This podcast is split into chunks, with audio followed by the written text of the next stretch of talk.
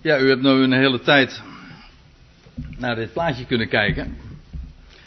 En wellicht dat u gedacht hebt dat het onderwerp wat we vanmorgen met elkaar zullen overdenken daar ook wel enigszins mee te maken zal hebben. Maar dan moet ik u misschien wel teleurstellen. Want dat is helemaal niet het geval. Dat plaatje was min of meer willekeurig uitgekozen. Ik vond het mooi. Het zegt iets over de schoonheid van Gods schepping, waar we ook in de zomermaanden hopelijk ook nog hier ter plaatse, ik bedoel in Nederland ook nog wat van zullen kunnen genieten. Maar waar ik u vanmorgen de aandacht voor wil vragen, dat is dit. 1 Korinthe hoofdstuk 6 en daarvan het tweede gedeelte. In, in mijn Bijbeltje, de NBG-vertaling, staat daar boven vrij, niet losbandig. En ik denk dat een hele goede samenvatting is van de inhoud van het navolgende gedeelte. Ik stel voor dat we dat met elkaar zo vers voor vers zullen bespreken. Of uh, voorlezen en dan zullen we ook vanzelf wel zien wat dat allemaal inhoudt. Paulus begint met te zeggen, te schrijven in vers 12 van hoofdstuk 6. Alles is mij geoorloofd, maar niet alles is nuttig. U kent die uitspraak wellicht. En het is een bekende van Paulus, want hij zegt dat maar liefst vier of vijf keer in deze brief. Waarmee hij dan toch ook maar weer aangeeft dat dit een, een kernpunt is van de boodschap, of in ieder geval van de consequenties van de boodschap die hij uitdroeg.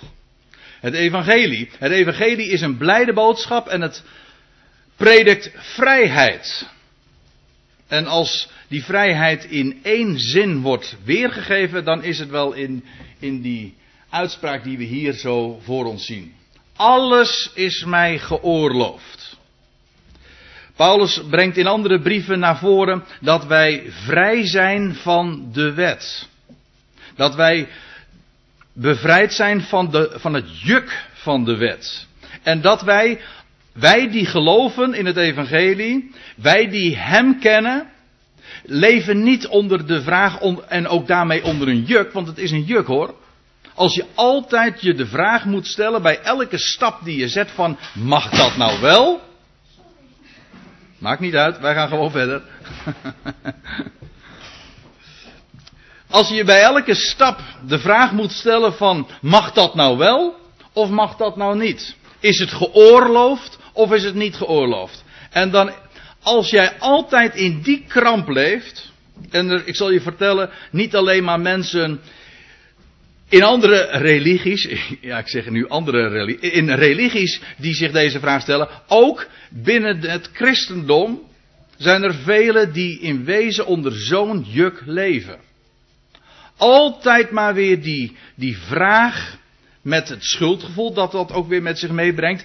Mag het nou wel? Is het geoorloofd? Of is het nou niet geoorloofd? En dan is het een verademing.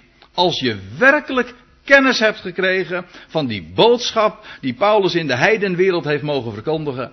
Namelijk dat alles ons die geloven geoorloofd is. Wij die hem lief hebben. Het was trouwens later een kerkvader Augustinus die hetzelfde zei.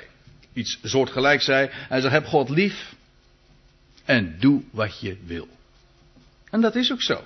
Wij die hem lief hebben, hoeven niet ons eh, voortdurend de vraag te stellen van mag het nou wel of mag het nou niet, want dan zegt Paulus heel laconiek, alles is geoorloofd. Met een dikke streep onder alles. En het is niet zo dat hij via een, een achterdeurtje dan toch weer dat inperkt. Nee, dat doet hij helemaal niet. Alles is ons geoorloofd, zodat je niet de vraag stelt van is het geoorloofd?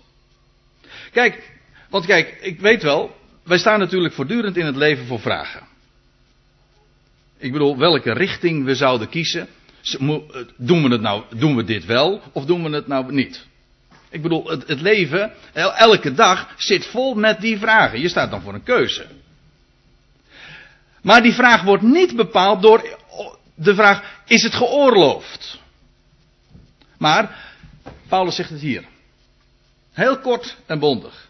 Het is een heel andere vraag. Niet, is het geoorloofd, maar hij zegt, is het nuttig? Later zegt hij, in dezezelfde brief trouwens, in hoofdstuk 10, dan herhaalt hij het, alles is geoorloofd. Maar zegt hij, niet alles is nuttig. Alles is geoorloofd, maar niet alles bouwt op. Waarmee we meteen trouwens ook weten wat, wat nuttig is. Namelijk, nuttig is dat wat opbouwt. Wat de ander opbouwt, daar gaat het trouwens in dit verband vooral om. Maar ook in het algemeen, wat opbouwt. Voor jezelf. Bouwt het op. Word je er sterker van. Richt het op hem. Trouwens, dat is in 1 Korinthe 10 ook het een van de thema's.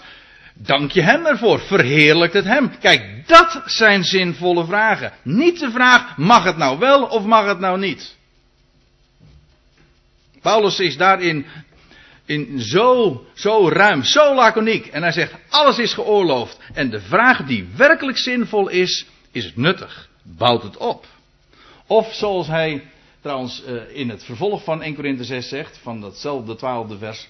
Alles is mij geoorloofd. Hij zegt erbij, ik zal me dus door niks laten knechten. Ik zal me nergens slaaf van maken. Ik zal me niet onder de heerschappij van iets brengen. Vrijheid is een groot kostbaar goed. Paulus zegt in, in de gelaten brief trouwens dat wij vrijgemaakt zijn en dan, zegt hij er, dan voegt hij er direct aan toe, laat u dus niet opnieuw een slavenjuk opleggen. Daarbij vooral doelend ook uh, op de, de wet van Mozes. Die God ooit aan Israël heeft gegeven tot op een bepaalde tijd. De wet is een tuchtmeester geweest tot Christus. Maar goed, dat is, dat is de gelaten brief weer. Maar het gaat er even om. Hij zegt, laat u dus niet opnieuw een slavenjuk opleggen. Maar het geldt ook in het algemeen. Alles, omdat vrijheid zo'n groot goed is, laat je je dus door niks knechten. En laat je je ook dus niet, uh, maak je je ook niet een slaaf van dingen. Later zegt trouwens Paulus in, in, de, in een andere brief, in Titus 3, heeft hij over verslaving. In wezen staat verslaving tegenover vrijheid. Je bent vrij, of je bent ergens slaaf van. Je kunt trouwens slaaf van van alles wezen. Maar Paulus zegt in Titus 3, vers 3. Want vroeger waren ook wij verdwaasd, ongehoorzaam, dwalende. En dan staat verslaafd aan velelei begeerten. Het probleem zit hem niet in begeerte. Dat is ook vaak zo gepredikt. En, de, de, kerk heeft die reputatie ook alom opgebouwd. Ik bedoel het instituut kerk. Van de afkeer van het lichaam. Het afkeer van het genot, van spijzen. En van het huwelijk. En van, van seksualiteit. Want dat was eigenlijk maar ja, iets, iets minder waardigs. En dat was zondig, et cetera. Maar het probleem zit hem niet in de begeerte. Wat dacht u van de leer dat wij ons vlees zouden moeten haten? Ja, dat is een van de, van de speerpunten ook, uh, nou misschien een beetje te veel gezegd, maar toch in de, in, de, in de praktijk wel een van de speerpunten ook in de christelijke leer altijd geweest. Van dat wij ons vlees zouden moeten haten. Paulus zegt dan in Efeze 5, niemand haat ooit zijn eigen vlees. Maar je koestert het. Kijk, met dat lichaam en met die begeerte, daar is helemaal niets mis mee. Het gaat erom dat wij vrij zijn en dat wij niet geknecht worden door die begeerte, maar dat wij zelf daarover de beschikking hebben. Dat wij daar zelf inderdaad in vrijheid in staan. Maar goed, Paulus kijkt dan terug en hij zegt: verslaafd aan velelei begeerte en zingenot, levende in boosheid en nijd, hatelijk en elkaar, elkander hatende. Maar ja, dat, Paulus blikt dan terug en hij schrijft dit aan Titus en, uh, met hem eigenlijk ook aan de gelovigen in, in Kreta. Hij zegt, ja, als je nou terugkijkt naar je verleden, dan zag dat er zo uit. Toen je God niet kende, ken, was je verdwaasd en leefde je in haat en nijd en was je slaaf. Maar als je die, het evangelie hebt leren kennen, dan verandert dat je van binnenuit. Niet omdat het moet, maar omdat dat de kracht is en de werking van de boodschap en van, de, van het woord en van de geest. Maar dat is hetzelfde hoor. We komen, we komen er straks misschien nog even over te spreken. Maar dat woord en geest is hetzelfde. Woord is geest, namelijk kracht. De heer Jezus zegt dat ook ergens in de Evangelie. Mijn woorden zijn geest en leven. Dat woord is geest. Dat woord is leven. Maar dat heeft zo'n enorme kracht. Dat is geest trouwens ook. Geest is altijd kracht. En het is levend. En het verandert een mens van binnenuit. En Paulus blikt dan ook terug en dan zegt van ja, vroeger was dat zo. Maar als je die boodschap hebt leren kennen, dan ben je in de vrijheid gesteld. Goed. In Titus 2, en precies een hoofdstuk terug, eh, dan zegt Paulus nog: oude vrouwen eveneens priestelijk in de optreden, niet kwaadsprekend, niet verslaafd. Dat is weer het, dus het tegenovergestelde aan veel wijn en in het goede onderricht gevende. Gaat dus even om die, die vrijheid. Paulus zegt: alles is mij geoorloofd, maar ik zal me door niets laten knechten. Goed, vers 13 van 1 Korinthe 6. We gaan weer terug. Het voedsel is voor de maag, de maag voor het voedsel, en God zal zowel het een als het ander te niet doen. Maar het lichaam is niet voor de hoererij, doch voor de Heer en de Heere voor het lichaam. Als u trouwens een MBV-vertaling hebt, ik ben daar helemaal niet zo enthousiast over. Nou, om voor, om voor te lezen aan tafel uh, is prima, maar als het nou gaat om voor Bijbelstudie, uh, bepaald niet. Maar ik, moet erbij zeggen, soms staan er toch wel goede vondsten bij. En uh, ik vond het heel duidelijk toen ik dat zo las. Um, u, ik, dit is trouwens niet de NBV-vertaling, maar wel naar aanleiding van de NBV-vertaling. De NBV-vertaling geeft het op deze manier weer. Namelijk die eerste zin als citaat. Niet als iets wat Paulus vertelt, maar iets wat men misschien wellicht in Korinthe beweerde. Hij zegt, uh, ja, u zegt, dus tussen aanhalingstekens, het voedsel is voor de maag en de maag is voor het voedsel en God zal zowel het een als het ander te niet doen. Dat is wat men zei. En trouwens, het is ook nog waar. Wellicht vloeit, zit daar nog iets anders achter en dat is dat men daar in Korinthe wellicht ook de opvatting propageerde. En dat is waar Paulus ook op ingaat. Namelijk dat we, dat het lichaam feitelijk iets minder waardigs was. Eh, en vooral ook in die zin dat het eigenlijk niet uitmaakt hoe je leeft en hoe je omgaat met het lichaam. Want ja, goed, uh, het voedsel is voor de maag, de maag is voor het voedsel, allemaal tot je dienst, zeiden ze. Want God zal zowel het een als het ander te niet doen. Wat op zich trouwens waar is, maar Paulus brengt er iets tegen in. Hij zegt, maar het lichaam is niet voor de hoererij, doch voor de Heer en de Heer voor het lichaam. Dat is heel mooi, hè? Niet alleen maar, uh, dit lichaam is voor de Heer. Dat zal, zullen we straks ook nog zien. Maar bovendien, uh, de Heere is ook voor het lichaam. Gaat hij toelichten, vers 14.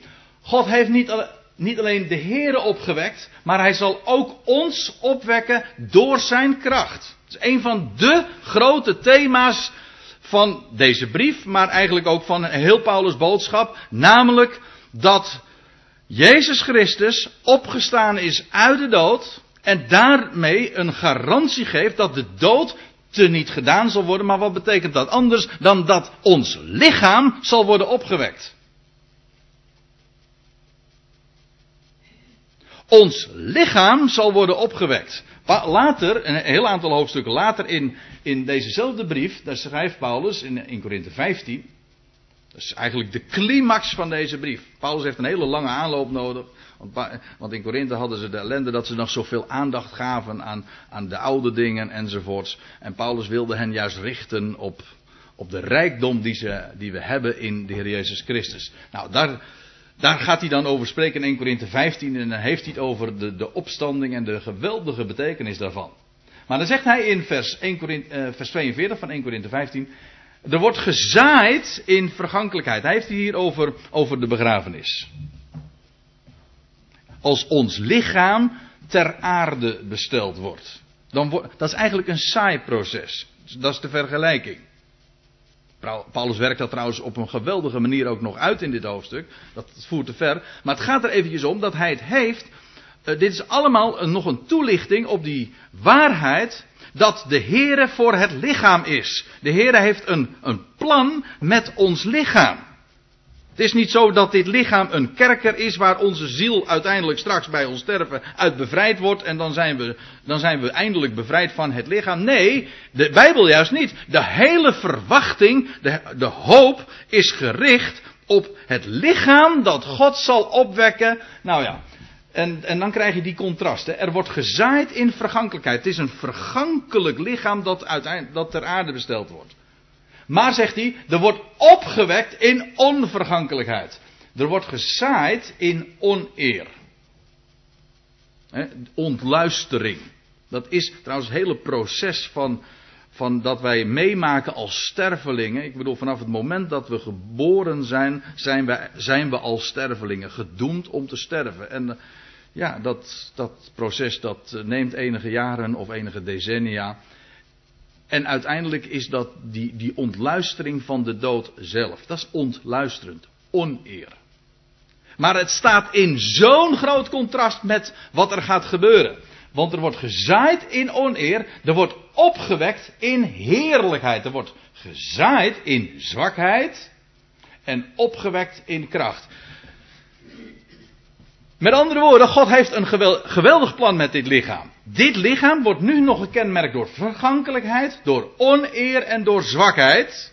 Maar ditzelfde lichaam dat wellicht straks gezaaid gaat worden, in de aarde en begraven zal worden, dat zal vervolgens in onvergankelijkheid, in heerlijkheid en in kracht worden opgewekt. Werkelijk leven. Kijk, dat is allemaal de betekenis van die woorden die hier staan. Hij zal ook ons opwekken. Uh, nou, ik moet eigenlijk anders zeggen. Als, als Paulus schrijft, de Heer is voor het lichaam. De Heer is voor het lichaam. En dat, dat heeft God wel heel duidelijk gedemonstreerd door de Heer Jezus Christus uit, uit de doden op te wekken. Maar de Heer Jezus Christus is, al, is de eersteling. De garantie dat dit zal gebeuren met heel de mensheid. Allen die in Adam sterven. Daar zal dit mee gaan gebeuren. Nou ja, u zegt ieder, ieder in zijn eigen rangorde. Oké, maar het gaat gebeuren. En dan schrijft Paulus: Weet gij niet dat uw lichamen leden van Christus zijn? Uw lichamen leden van Christus zijn. Deel uitmaken van Christus. Niet, hij spreekt niet hier over onze geest, dat is waar, maar ook hier zegt hij: ons lichaam. Is, zijn le, onze lichamen zijn leden, delen. Want, want, leden zijn eigenlijk gewoon delen. Als je het, uh, in het Nederlands is het ook een, uh, dat noemen ze een anagram, hè? Als je de letters door elkaar husselt, leden en delen, dat is gewoon hetzelfde. Ledematen zijn gewoon eigenlijk de, uh, hoe zeg je dat nou? De delen van je lichaam, toch? De, de leden uh, zijn gewoon delen. Wel, wij maken met onze lichamen deel uit van de Christus. En, trouwens fraai, hè? Je, je, zou dat eens moeten optellen. Ik heb het niet gedaan, maar ik denk dat je een zeker meer dan tien komt. Alleen al, ja zeker ja, dat we in deze brief, de eerste Korinthebrief dat Paulus schrijft, eh, en een zin aanvangt met, weet gij niet dat? Weet gij niet? En daarmee een beroep doet gewoon op hun kennis en ook op hun verstand. Hun gezonde verstand. Uh, Paulus schrijft, oordeelt zelf. Kijk, Paulus legt niks op. Paulus zegt niet van dat mag, iets mag niet. Paulus stelt een heel andere vraag of iets nuttig is. Of het opbouwt, of het hem verheerlijkt. En dan mogen mensen zelf hun conclusies trekken. Weet gij niet? Of oordeelt zelf. Ik zou, zou zomaar van die paar van die frasen die ik zo eh, links en rechts eh, bij elkaar gesprokkeld heb. Oordeelt zelf. Uh, 1 Corinthië 10. Ik spreek als tot verstandigen. In, in Romeinen 12 spreekt Paulus over, dit is onze logische, ja in de NBG-vertaling staat onze, onze redelijke eredienst. Maar er staat letterlijk onze logische eredienst. Onze dienst aan God is logisch. Is, wordt niet bepaald door wet, door wat geoorloofd is, maar door dat wat redelijk is. Iedereen die gezond verstand heeft, kan dat zelf zijn, daaruit zelf zijn conclusies trekken. Uh, dat is veel eerder trouwens nog in de eerste Korinthebrief, 1 Korinthe 2. De geestelijke, de geestelijke mens onderzoekt alle dingen. Beoordeelt alle dingen. Weet gij niet. Heeft te maken met je verstand. Dan schrijft Paulus, zal ik dan leden van Christus wegnemen om er leden van een hoer van te maken? Volstrekt niet. Kennelijk, kijk, Paulus schrijft een brief En dit is geen brief die zomaar in het luchtledig hangt. Dat is een brief die ingaat op een concrete situatie. Wellicht ook op opvattingen die daar binnen Korinthe uh, zo de ronde deden. En de levensstijl die daar dan weer uit voortvloeit. En Paulus, net, nogmaals, beantwoordt niet met wet, maar hij confronteert hen wel met vragen. En, stelt hen deze vragen. Weet gij niet dat? Zal ik dan leden van Christus, want dat, dat zijn onze lichamen, uh, wegnemen om er leden van een hoer van te maken? En dan zegt Paulus volstrekt niet. Er staat de vertaling, dat zij verre. Of weet gij niet, heb je hem weer. Of weet gij niet dat wie zich aan een hoer hecht, één lichaam met haar is? Want, zegt hij, die twee zullen tot één vlees zijn. Nou, citeert Paulus, hè. Waar citeert Paulus uit? Genesis. Genesis hoofdstuk 2. Ja, daar, schrijft, daar staat dit.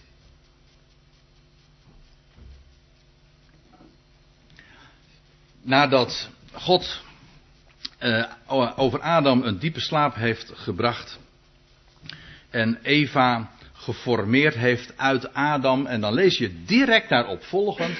Daarom zal een man zijn vader en zijn moeder verlaten en zijn vrouw aanhangen. En zij, dat wil zeggen een man en zijn vrouw, zullen tot één vlees zijn. Zo is het vanaf den beginnen. Zo zit dat met mannelijk en vrouwelijk en waar dat voor bestemd is. Daar zit trouwens nog weer een geweldige waarheid achter. En dan zegt Paulus een groot geheimenis met het oog op Christus en de gemeente. Dat is allemaal waar. Maar het, is trouwens heel opmerkelijk hè, dat dit dikwijls wordt geciteerd in de Bijbel. Met name in het Nieuwe Testament komt dit heel vaak weer terug. Deze, deze zin. Omdat hier zo kernachtig, door God zelf trouwens, gezegd wordt hoe dat zit met het huwelijk en wat een trouwerij is. Een man die zijn vader en moeder verlaat en zijn vrouw, niet, niet zijn man. Hm, dat kan, ja. Ook niet zijn vriendin. Nee, zijn vrouw aanhangt. En die twee, die zullen tot één vlees zijn. Nou, wat Paulus schrijft. Als, hoe gaat het met als je gemeenschap hebt, geslachtsgemeenschap hebt met een hoer? Ja, dat, dan ben je inderdaad één vlees met haar. Maar, je, maar waarom heet het hoererij? Omdat het niet je vrouw betreft. Dat één vlees zijn, dat is bestemd voor de man en zijn vrouw of de vrouw en haar man. Zo is dat. Heel simpel. En dan schrijft Paulus het trouwens nog, uh, voegt eraan toe in vers 17. Maar die zich aan de Here hecht, is één geest, dat wil zeggen, met hem. Dat zit, ik kan me niet helemaal in de indruk onttrekken dat Paulus hier ook een knipoogje geeft. Want wat Paulus namelijk in het navolgende hoofdstuk gaat vertellen. Dat, is 1 Korinthe 7. Dat is een beroemd hoofdstuk dat gaat over het huwelijk. Dat is heel dikwijls ook uh, merkwaardig uitgelegd en een rare slinger aangegeven. Even, hebben mensen van alles uit geconcludeerd. Maar Paulus gaat zo uitgebreid uh, op, op, vragen in die hem gesteld waren over dat huwelijk en over echtscheiding. En dan denken mensen van dat Paulus daar een pleidooi voert voor het huwelijk en dat doet hij juist niet. Ja, dat is misschien een beetje raar ge, als ik dat zo zeg, want u denkt dan van Waar heeft hij het over? Ben jij zelf dan niet getrouwd? Ja, ik ben getrouwd. Zo waar, daar zit ze. Maar uh, daar gaat het nou eventjes niet. Het gaat nou even helemaal niet sowieso over mijzelf. Maar het gaat even om de. Op wat Paulus daar naar, naar voren brengt over de betekenis van het huwelijk. En dan zegt hij juist. Dat, hij, dat er niets beters is. In principe. Dat, dat gaat hij dan vervolgens toelichten. Dan single te blijven om vrijgezel te zijn en te blijven. Zegt hij trouwens, zegt hij um, in uh, hoofdstuk 7, vers 8. Tot de ongehuwde en tot de weduwe zeg ik: Het is goed voor hen indien zij blijven zoals ik. Paul, het is met name een pleidooi, inderdaad, om daar ook daarin zelfs vrij te zijn. Want dat is het. Dat legt Paulus ook uit en dat wordt hem niet altijd in dank afgenomen. Maar het, het, zal je verbazen dat als je gewoon heel logisch dat hoofdstuk leest, gewoon je verstand gebruikt en eerlijk bent, dan moet je gewoon gelijk geven dat hij, wat hij zegt. En Paulus was, is in zijn leven ook in staat geweest om zo'n enorme bediening voor de Heer te hebben. Juist ook omdat hij vrijgezel was. En niet de beslommeringen had van, van het huwelijk en het gezin. Afijn, Paulus zegt het is goed indien ze blijven zoals ik. Maar zegt hij, indien zij zich, indien zij zich niet kunnen beheersen. Dat woordje kunnen staat trouwens niet eens. Dan mag u zelf ook nog uw conclusies uittrekken. Oordeelt zelf zou ik zeggen. Indien zij zich niet beheersen, laten ze dan trouwen. Want, zegt hij, het is, dan, het is altijd nog beter te trouwen dan van begeerte te branden. Het is geen pleidooi voor het huwelijk en om te trouwen. Maar als het er nou helemaal om gaat. En in de praktijk blijkt dat toch bij het merendeel van de mensen het geval te zijn. Van ja, het is te moeilijk om ongetrouwd te zijn. Ja, ik, ik, kan natuurlijk allerlei grapjes hierover gaan maken, maar dat wil ik niet. Eh, laten we, laten we het even serieus houden. Paulus zegt, het is beter te trouwen dan van begeerte te branden.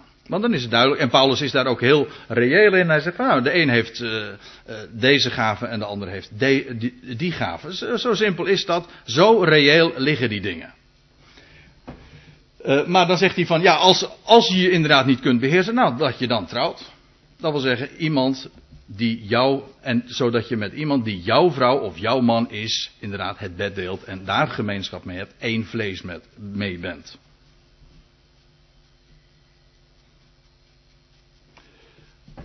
En dan zegt hij in vers 18, ik ga weer even terug naar 1 Korinthe 6, vliet de hoererij. Vliet betekent, nou een beetje oud-Nederlands natuurlijk, vlucht voor. Is een heel mooi voorbeeld daarvan. Van iemand die dat deed. Yes. Jozef. Van Jozef lees je in Genesis 39. Nou, ik, ik ga niet, niet dat, dat hele verhaal lezen, maar in vers 10 dan lees je van die. Dan is hij bij die vrouw van Potifar. Ik ga er even vanuit dat u allemaal die geschiedenis kent. Maar dan is hij bij, uh, is bij Potifar en die vrouw die uh, ziet dat Jozef een, niet alleen maar een hele aardige jongen is, maar hij, hij, was schoon van gestalte en uiterlijk lees je. En die vrouw die heeft een oogje laten vallen op op Jozef en ze is eigenlijk gek van hem.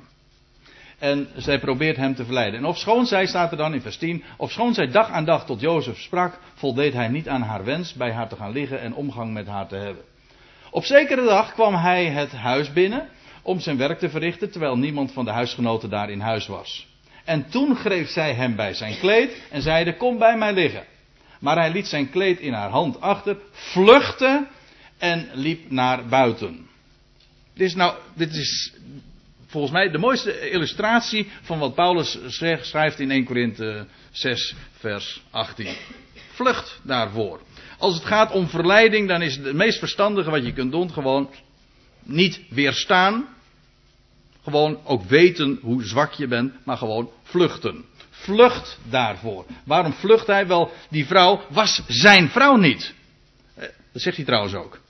Hij zegt, mijn Heer heeft mij alles toevertrouwd, het hele huis enzovoorts. Uitgezonderd zijn vrouw. Ja, jij dus, zegt hij tegen die vrouw van Potifar. Jij bent helemaal niet van mij. Dus hoe zou ik zo'n groot kwaad kunnen doen? En daarmee eigenlijk ook treden eh, en, en de beloftes eigenlijk feitelijk verbreken die, die Potifar en zijn vrouw hadden gedaan. Dat, dat heet dus echt breuk. Je breekt daarmee het huwelijk en daarmee de trouwerij, de belofte van trouw. Elke, ja, dat is een hele rare zin. Daar, moeten we het nog eventjes over hebben. 1 Korinthe 6 vers 18, daar schrijft Paulus, en elke andere zonde, dat woordje andere kun je gewoon weglaten hoor. In de Statenvertaling staat het er ook trouwens niet bij. Dat woordje andere moet je gewoon weglezen. Of gewoon weglaten. Elke zonde die een mens doet, gaat buiten zijn eigen lichaam om. En ik heb me zo vaak verbaasd. Over deze zin. Al jaren eigenlijk. Ik struikel er iedere keer over. Want als je eventjes nadenkt over die zin. Van elke zonde die een mens doet, gaat buiten zijn eigen lichaam om. Hoezo? Zijn er dan niet vele zonden die, die wel met ons lichaam te maken hebben? Die bepaald niet buiten je lichaam omgaan? Wat dacht je van drankzucht? Of wat dacht je van, van vraatzucht? Dat, dat zijn allemaal dingen waarbij je, waarbij je lichaam aantast, niet waar? Maar hoe, hoe kan Paulus dan zeggen van elke zonde die een mens doet gaat er buiten zijn eigen lichaam om? Nou, ik denk dat de oplossing dezelfde is als waar, ik, waar we het net al even over hadden. Namelijk dat daar aanhalingstekens horen te staan. Paulus citeert wat zij in Korinthe zeiden. Dit is niet een bewering van Paulus. Elke zonde die een, die een mens doet gaat buiten zijn lichaam om. Nee, die horen hier dus gewoon aan. Kijk, in de Griekse grondtekst dat, uh, kent geen, geen leestekens, geen aanhalingstekens. In wezen worden wij geacht als lezer dat te begrijpen. En ik versta het inderdaad zo. En dan zijn, dan zijn als uh, alle problemen met dit vers ook als sneeuw voor de zon verdwenen. Jarenlang heb ik, nou, ik zal niet zeggen, ik heb er echt niet wakker van gelegen. Maar ik begreep er helemaal niks van. Van deze zin. Totdat, me eens, totdat mij duidelijk werd dat hier, als hier aanhalingstekens staan. Dan verdwijnt het probleem helemaal. Paulus beweert, citeert dat wat men in Korinthe zei. Hij zegt, u zegt, elke zonde die een mens doet gaat buiten zijn eigen lichaam om. Dat is wat mensen dus beweerden in Korinthe. Ze waren heel. Ze zeiden van ja, de zonde heeft alleen maar met de geest te maken, heeft niks te maken met het lichaam. Wat je met het lichaam doet, maakt helemaal niks uit. Nou, zegt Paulus dan. Maar door hoerij bezondigt men zich aan zijn eigen lichaam. En dat is wat Paulus daar tegenover zegt. Door hoererij bezondigt een mens zich in ieder geval aan zijn eigen lichaam. Of zegt Paulus dan in vers 19. Of weet gij niet? Dat is de derde keer dat we dat tegenkomen, die vraag. Of weet gij niet dat uw lichaam een tempel is van de Heilige Geest die in u woont? Die gij van God ontvangen hebt. En dat gij niet van uzelf zijt. Weet u dat niet? Uw lichaam een tempel van de Heilige Geest. Hoezo? Kijk, het antwoord vinden we er pal op. Daarop volgend. Uw lichaam is een tempel van de Heilige Geest die in u woont. Het loutere feit dat Gods geest in ons lichaam woont, maakt ons lichaam tot een tempel. Ongeacht hoe zwak en hoe ontluisterend ons lichaam is, maar degene die het bewoont, dat, die maakt het tot een tempel. Een, een tempel is namelijk niks anders dan de plaats waar God woont. En al is dat een tent, al is dat een armzalige tent, dan nog heet het een tempel. Een huis Gods, zijn woning. Wel, dat is wat Paulus zegt. Uw lichaam is een tempel van de Heilige Geest die in u woont. Die gij van God ontvangen hebt. Hoe? Wanneer is je lichaam nou een tempel van de Heilige Geest? Nou, Paulus schrijft in Efeze 1. Wanneer hebben wij zijn geest ontvangen? Heb ik, heb ik Gods geest ontvangen? Nou, Paulus schrijft in Efeze 1, in vers 13. In hem zijt gij ook, dat wil zeggen in de Heer Jezus Christus, nadat gij het woord van de waarheid, dat wil zeggen het evangelie van uw redding hebt gehoord. In hem zijt gij, toen gij gelovig werd, ook verzegeld met de Heilige Geest van de belofte. Dat is niet toen ik voor Jezus koos. Ook niet toen ik naar de kerk ging. Of toen mij de handen werden opgelegd. Of toen ik in tongen ging spreken. Nee, toen ik gelovig, toen jullie gelovig werden. Dat wil zeggen, het woord der waarheid hoorden. En overtuigd werden door het woord, door de blijde boodschap van redding. Dat Hij de redder is van deze wereld. Toen jullie dat hoorden, die blijde boodschap van redding. En toen gij gelovig werd, dat wil zeggen, dat daardoor overtuigd werd. We, we, hebben het zojuist ook gezongen. Het is uw geest die mij doet zeggen, Jezus Christus is de Heer. Toch? Nou, op het moment dat een mens gelovig wordt, word je verzegeld met zijn geest. Dat woord laat je niet meer los en daardoor die geest laat je niet meer los. Hè? Jouw, jouw lichaam is dan vanaf dat moment een tempel. Gods woord woont daarin. Gods geest woont daarin en is, het is verzegeld. Kan er nooit meer uit. Nooit. En hoe weet je dat nu? Nou, Paulus schrijft hier, als je, als je tot geloof gekomen, als je gelovig bent, het evangelie kent, dan heb je die geest ontvangen. Paulus schrijft trouwens in 1 Korinthe 6, dat is even voor dat gedeelte wat, waar we vanmorgen mee aanvingen, want we begonnen te lezen in vers 12 en nu lees ik iets, en dat zeg ik niet goed, want hier staat vers 13, maar dat moet vers 10 zijn. Of 11. In elk geval niet vers 13 per ongeluk. Ik zie dat ik hier een fout heb gemaakt. Maar daar staat, en sommige van u, daar schrijft Paulus, en sommige van u zijn dat geweest. Nadat hij gesproken heeft over, nou, had hij een heel eh, lijstje gegeven van hoereerders, dronkaards enzovoort. Sommige van u zijn dat geweest. Maar gij hebt u laten afwassen. Ik heb dat nog eens een keer nagekeken in de grondtekst, maar weet u dat er nog veel mooier staat. Er staat niet, gij hebt u laten afwassen. Er staat, gij zijt gewassen. Gij zijt gewassen. Gij zijt geheiligd. Gij zijt gerechtvaardigd door de naam van onze Heer Jezus Christus en door de geest van onze God. Weet u wat nou het geweldige is? Als een mens gelooft, dat is genade. Als je ogen opengaan voor de heerlijkheid van zijn woord. Als je verblijd wordt door zijn, voor de rijkdom van zijn woord. Dan is het zijn geest die bezit van je neemt. Daarmee word je verzegeld. Maar weet u wat dat betekent? Dan ben je ook helemaal voor zijn rekening. Helemaal. Niet alleen maar toen ben je verzegeld, maar je wordt vervolgens gewassen. Staat hier. Gewassen, dat wil zeggen, daar waar verontreiniging is, is hij het die je gaat reinigen. Dat is geen eigen werk, dat is wat hij doet. Gij zijt geheiligd. Dat is iets wat Hij doet in ons leven. Als we inderdaad, als het waar is wat hier staat, hè. Als ons lichaam een tempel is van Gods geest, wel, dan, die, die geest hebben we van God ontvangen. Die geest doet dan, daar zijn we mee verzegeld.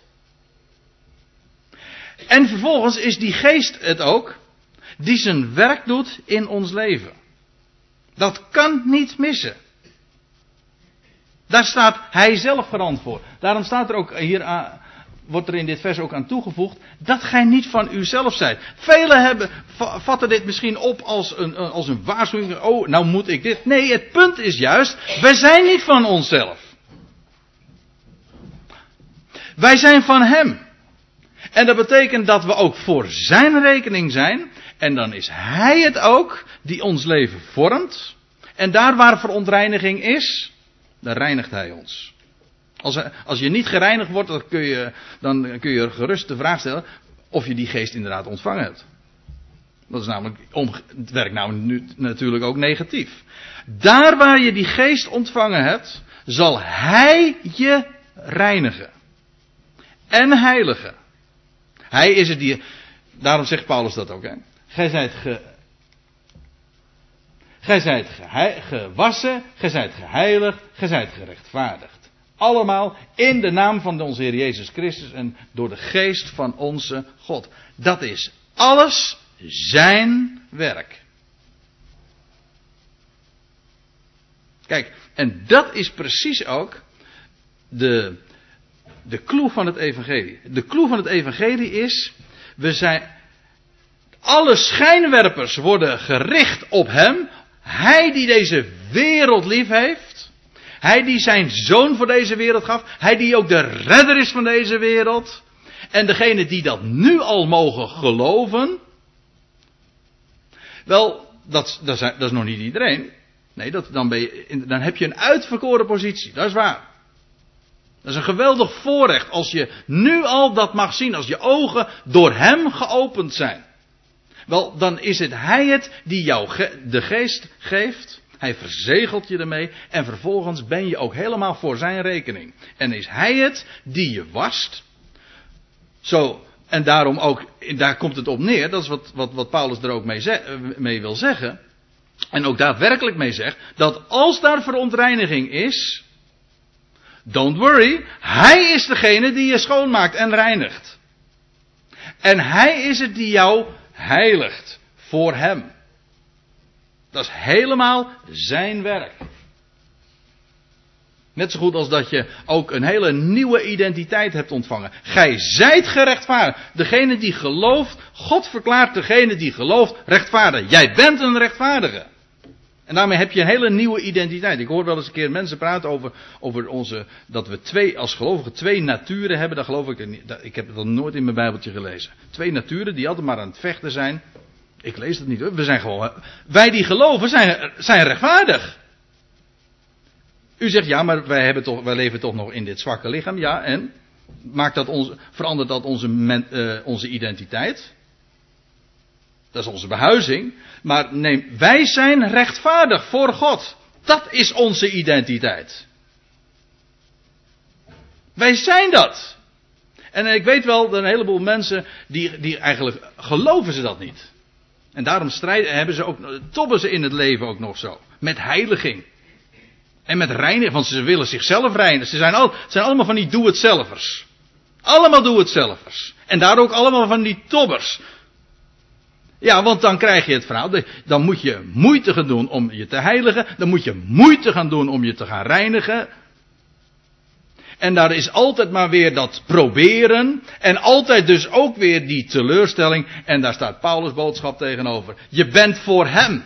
En van hem. Je bent een rechtvaardige. En alles is je geoorloofd. En je bent van hem. En hij is het die je heiligt. En reinigt en, en rechtvaardig verklaart. Alsjeblieft. Helemaal voor hem. En van hem. En voor zijn rekening. Weet gij niet? Weet gij dat niet? Kijk, het punt is, een mens moet het ook weten. Als het niet verteld wordt, dan, dan zul je het nooit weten ook. Hè? Tenzij, het, tenzij het gewoon zelf ook in de Bijbel gelezen hebt. En dat je gewoon iedereen laat praten. Wat er ook misschien uh, verteld wordt in de kerken of wat u leest in uh, tijdschriften, maar dat je gewoon zegt van dat staat er in het woord. Dat staat er in het woord. Kan me niks schelen wat men daarover zegt. Al is het misschien de dominee of. Hm? Nou en?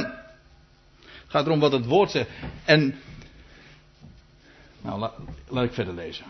Dat is trouwens het laatste vers het laatste vers van 1 Korinthe 6. Want, zegt Paulus, gij zijt gekocht en betaald. Je bent dus van hem. Om, meer dan één reden hoor. Je bent sowieso, elk, elk schepsel is sowieso van hem. Waarom? Wel, omdat het zijn schepsel is. De hele schepping is, behoort hem. Hij heeft het bedacht, hij heeft het gemaakt. De, de aarde, dat, is trouwens Paulus ook in 1 Korinthe 10. De aarde is des Heren en haar volheid. Het is allemaal van hem. Wat dacht je nou? Maar bovendien, er is een prijs betaald. En God heeft. Kent u die gelijkenis van die man? Die die schat in de akker vond? En wat deed hij? Hij kocht hem, ja. Maar er staat niet, hij kocht die schat. Weet u wat hij deed? Hij kocht die hele akker meteen. Ja, hij kocht. Hij, hij ontdekte een schat en hij kocht de akker. God denkt groot. God denkt in totalen. En hij kocht, dat wil zeggen, hij vond een schat en hij kocht die akker. En dan staat er in, in datzelfde hoofdstuk, en de akker is de wereld. De prijs is betaald. Paulus schrijft in 1 Timotheus 2, Christus Jezus die zichzelf gegeven heeft tot een losprijs voor allen. Die prijs is betaald voor allen. En Paulus zegt, en ik ben daartoe gesteld als een apostel en leermeester van de natie. Ik, ik spreek waarheid, geen leugen. Met andere woorden, zo is dat. Die prijs is zo verstrekkend. Gij zijt gekocht en betaald. Verheerlijk dan God met uw lichaam.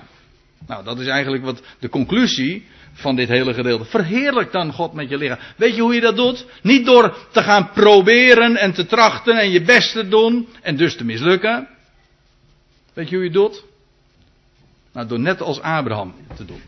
Van Abraham lees je, dat is trouwens in Romeinen 4. Die gaf ook, die verheerlijkte God ook. Hij gaf God de eer, staat. Weet u hoe die dat deed? Door te proberen? Nou, nee. dat is wel een aardig voorbeeld in dit verband, want hij had dat ooit gedaan. Abraham, die dacht ook God een handje te moeten helpen. Het wel, in verband met de belofte die hem gedaan was. En die ging toen ook zijn best doen. En toen had hij Hagar genomen. Maar wat een ellende. Wat een ellende bracht het allemaal teweeg. Maar weet u wat Abraham, later heeft hij zijn les geleerd. En dan lees je, hij gaf God de eer. Waarom? Wel in de volle zekerheid dat hij bij machten was, hij met een hoofdletter, bij machten was hetgeen hij beloofd had ook te volbrengen. Je doet God geen groter eer dan hem te houden aan zijn belofte. God, Abraham wist, God heeft mij beloofd dat in mijn zaad, nee, dat, uh, dat mijn zaad gegeven zal worden en, um, hoe staat het nou precies? En dat, dat in mijn zaad alle geslachten van de aardbodem gezegend zullen worden.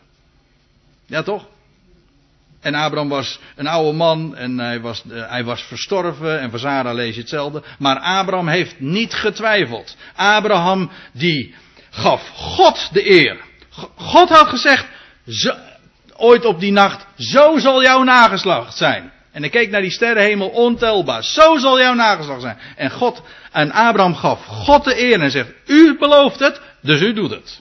Nou, voor ons is het niet anders. Als God nou zegt dat wij rechtvaardig zijn. Als God nou zegt dat Hij ons heiligt. Als God nou zegt dat Hij ons vast. Dan geef je God eer in dit lichaam wanneer je Hem daarvoor dankt. In de volle zekerheid dat Hij bij macht is te doen hetgeen Hij beloofd heeft. Weet je hoe je God voor de voeten loopt? Door het zelf te gaan doen. Dat is werken, dat is ongeloof. Maar het gaat er juist om dat wij, dat je weet dat hij dat beloofd heeft en dat je daar ook op gaat staan. In de volle zekerheid dat hij het ook realiseert. We zijn dus compleet voor zijn rekening. Hij rechtvaardigt, hij heiligt ons, hij wast ons. Ik zou zeggen, dank hem daarvoor. Hemelse Vader, we willen u zo hartelijk dank zeggen dat we die belofte van u mogen bezitten dat uw beloften zo groots en rijk zijn. Zo groots en rijk dat mensen het eigenlijk nauwelijks kunnen geloven. En dat ze daarom vaak zelf maar weer aan het werk gaan. Maar heer, we hebben zo vanmorgen een gedeelte in alle eenvoud met elkaar overdacht. Wat we lezen in het Nieuwe Testament, een brief die Paulus heeft geschreven aan de Corinthiërs. En dat aan actualiteit zoveel eeuwen later nog niets heeft ingeboet. En Heer, we danken u dat u in uw woord licht geeft op de dingen. Hoe de dingen zijn. Niet hoe het moet, maar hoe de dingen zijn. En Heer, we danken u dat we in uw woord licht krijgen op, op wie u bent, hoe deze schepping in elkaar steekt en wie zou daar zinvoller over kunnen spreken dan de schepper en de bedenker en de maker zelf. Wat het is mannelijk te zijn of vrouwelijk. Wat het is om getrouwd te zijn of niet getrouwd te zijn. Eer, we danken u voor het licht dat ook de apostel Paulus daarover laat schijnen. En dat we zo met elkaar ook mochten overdenken. We danken u voor dat evangelie van u. Dat we vrij zijn werkelijk vrij zijn. En dat we niet geplaagd worden door de vraag, hoeven worden door de vraag of iets geoorloofd is, maar dat we heel andere, veel betere vragen in ons leven hebben. Namelijk, wat is zinvol? Wat is nog zinvoller? En, wat, en hoe verheerlijken wij u in ons leven? En we danken u dat we daarbij helemaal voor uw rekening zijn. Dat we mogen leven uit die belofte dat u het bent die ons heiligt, dat u het bent die ons reinigt. En Heer, dat is zo'n enorme zekerheid. En dat we daarvoor zelf niet hoeven te tobben en hoeven te trachten en te proberen en daardoor ook telkens weer gefrustreerd te raken, maar dat we elke dag mogen leven in de zekerheid, in de volle zekerheid dat Hij die dit belooft, ook zal doen. Veel groter dan we het ook maar ooit zouden kunnen bevroeden. Heer, we danken u dat u zo'n God bent. Dat u garant staat voor de vervulling van uw woord. En Heer, geef maar dat we de moed zullen hebben om te staan op die belofte. En dat we daarom ook op mogen zien naar boven. En dat we ons mogen verblijden in de rijkdom die u geeft. En Heer, we danken u dat u niet alleen maar ons gekocht hebt en betaald. Maar dat u ooit uw leven gaf tot een losprijs voor allen. Voor al die miljarden mensen, want ze zijn uw schepselen. U houdt van hen. En Heer, we danken u dat u nooit laat varen de werken uw handen. En dat u tot uw doel komt met heel uw schepping. Heer, we danken u dat we ons mogen verblijden in zo'n groots, rijk en wijds besef van onze God. We danken u dat we zo voor uw rekening zijn en we bevelen ons ook voor de rest van deze dag bij u aan. En Heer, we verblijden ons telkens weer zo enorm om wat u om niet aan ons geeft en belooft. Amen.